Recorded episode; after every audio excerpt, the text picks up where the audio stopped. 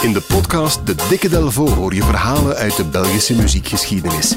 Van Arno tot Sap Mama, van Puerto Rico tot Hollywood aan de Schelde. Duik mee in het rijke Belpoparchief en ontdek de verhalen achter Belgische muziekparels. Samen met Jan Delvaux, onze ervaren gids. De mooiste Belpopverhalen krijg je in de Dikke Delvo podcast. Dag Floris. Blij jou weer te zien in Voilà. deze studio met alweer een mooi verhaal op zak. Ja, voor de, de, de, de Belgische familie van Trap. Ken je de En dat zijn? Dat is niet de Van Trap zijn, maar wie is de Belgische Van Trap? Familie Dex. Mark, Barbara en, en, en eh, Julien Dex. eh, Ja. ook als dusdanig opgenomen eh, in 2009 in de eregalerij van Radio 2.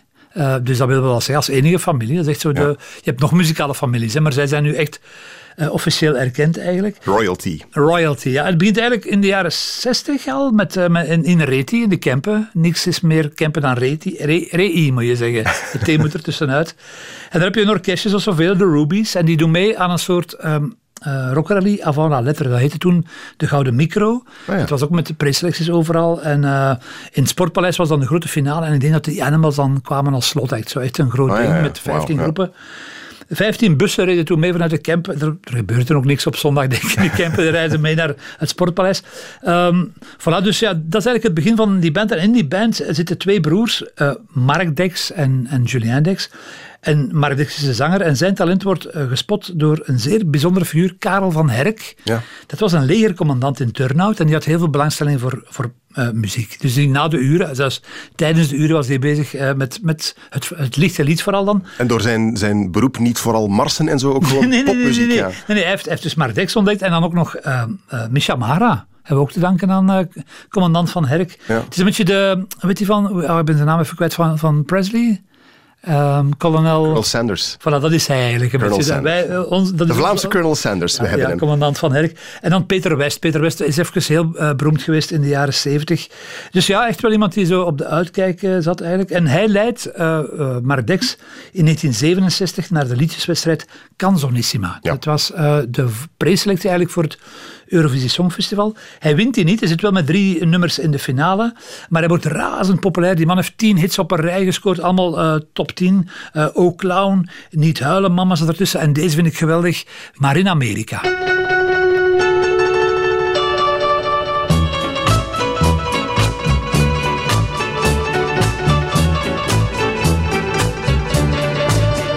Met drie schepen trok Columbus naar Amerika, als ontdekker van de schatten der natuur.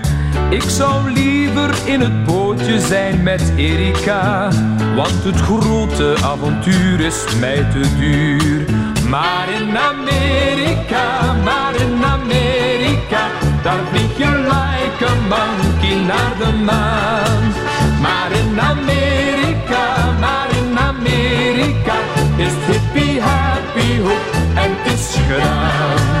Een document van zijn tijd, zullen we zeggen. Hè? Maar wel heel mooi. Maar in Amerika van Mark Dex. Maar deze die toen trouwens een beetje... De, de, de, eh, Wiltuur heeft ooit maar van één opponent eh schrik gehad. Dat was van Mark Dex. Echt? ja, ja, ja, ja, dus dat was echt wel... Die was immens eh, populair.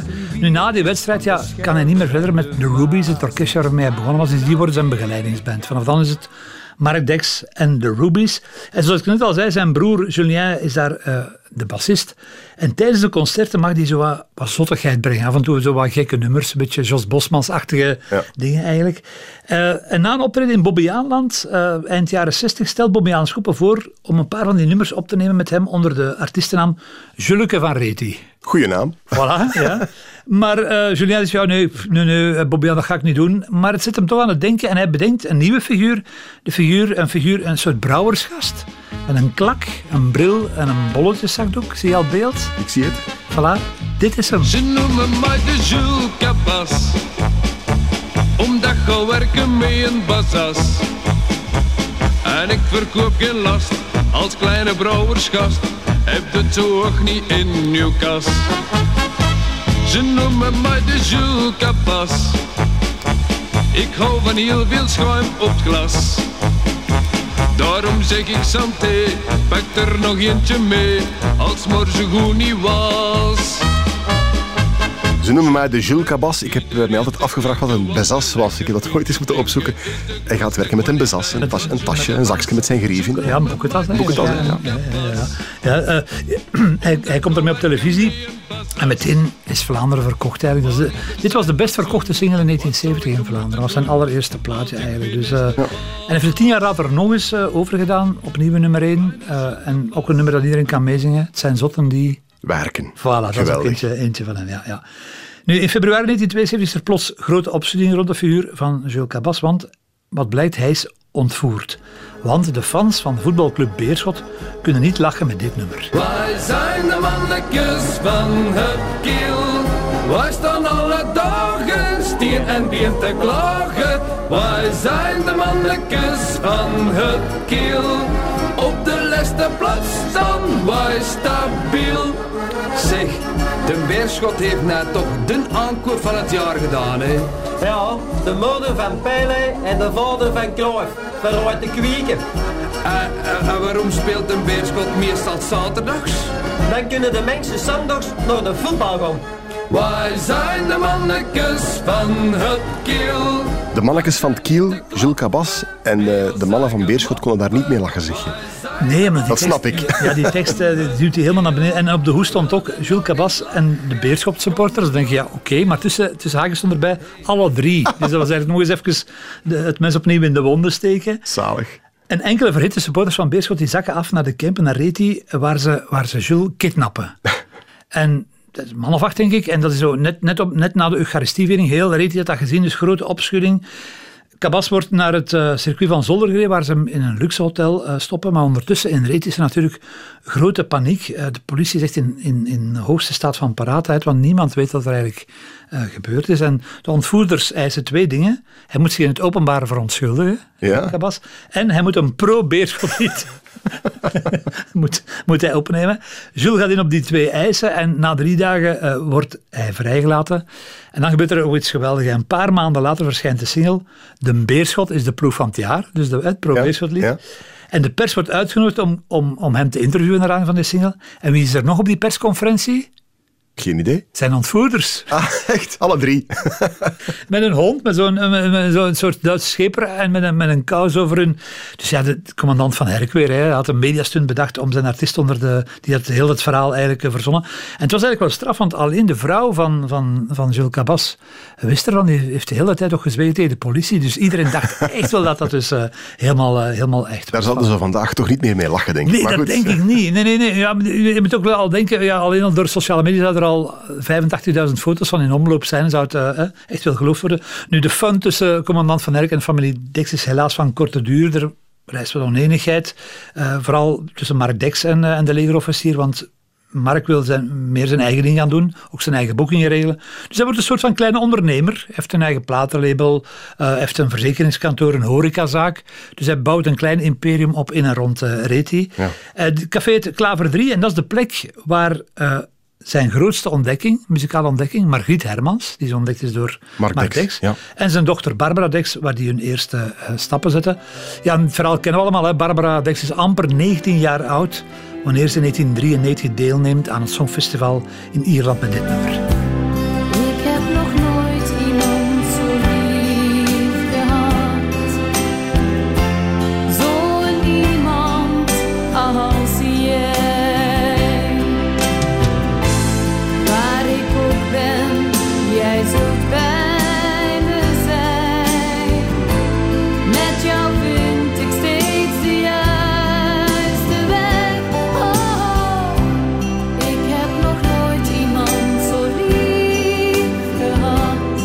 Barbara Dex in Cork in Ierland, waar toen het Songfestival plaatsvond. Iemand als jij.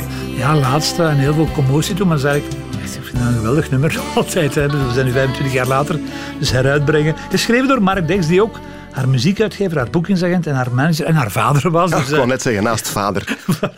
Eh, dus v- voilà, er moest wel een en ander getroost worden na die laatste plaats. Ze heeft zich niet, nooit laten ontmoedigen en ze heeft echt wel... Ja, dat is een heel straffe zangeres. Ik weet niet de jongste jaar nog live hebt gezien, maar dat is echt wel Zeker, ja. eh, top. Ze heeft trouwens nog eens een keer deelgenomen aan de preselectie enkele jaren geleden. Eh, toen werd ze derde na eh, Xandy en eh, Natalia. Dus ja, echt wel heel, heel straffe eh, madame. En dan in de zomer van 2007 is het eindelijk zover. De hele familie Dek staat voor de allereerste keer staan ze allemaal samen op het podium. Die hadden nog nooit samen opgetreden. Dus Mark is daar, Barbara is daar. Dan is er ook nog de broer van Barbara Tom. Die heeft een, en de zoon van Mark dan, die heeft een, een, coverband, Nut City. En dan de populaire broer en oom uh, Julian, uh, Jules, Jules, Julien Dex, die trouwens nog altijd droomt van een derde grote hit. Hè. Als je hem vraagt, wat, zou je graag nog willen hebben? Ik heb er al twee gehad. Ik blijf dromen van die derde. Ik kan eens iets maken over de Antwerp misschien? Ja, voilà, inderdaad. ja, ja, ja, voilà. ja, en die, die reunie was uiteraard uh, in, in Reti, waar, waar, uh, waar Jules trouwens een soort van coryfees... Ik zei maar, Reti, is, is, hoe nummer dat hij gemaakt heeft, maar dat is het nationaal volkslied geworden van die gemeente. Daarbuiten kent niemand uh, ja. dat eigenlijk.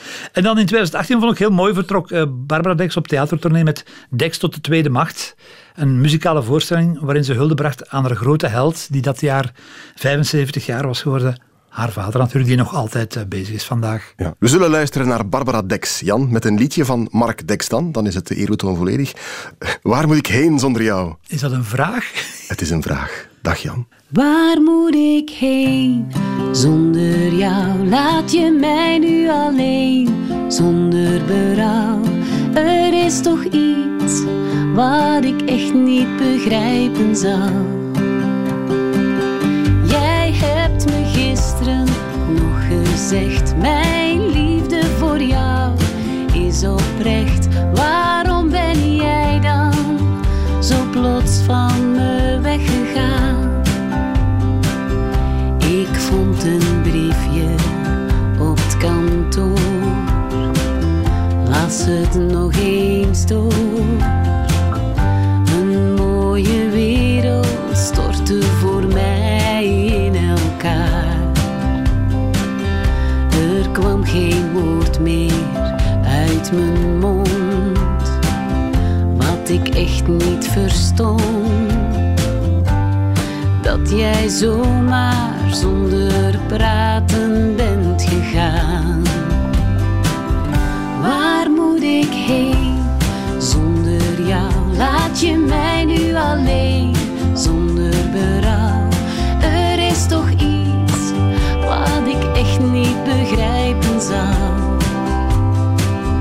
Jij hebt me gisteren nog gezegd, mijn liefde voor jou is oprecht. Waarom ben jij dan zo plots van me weggegaan? Soms kreeg ik toch wel het gevoel, jij bleef geremd en wat koel. Nooit heb ik daar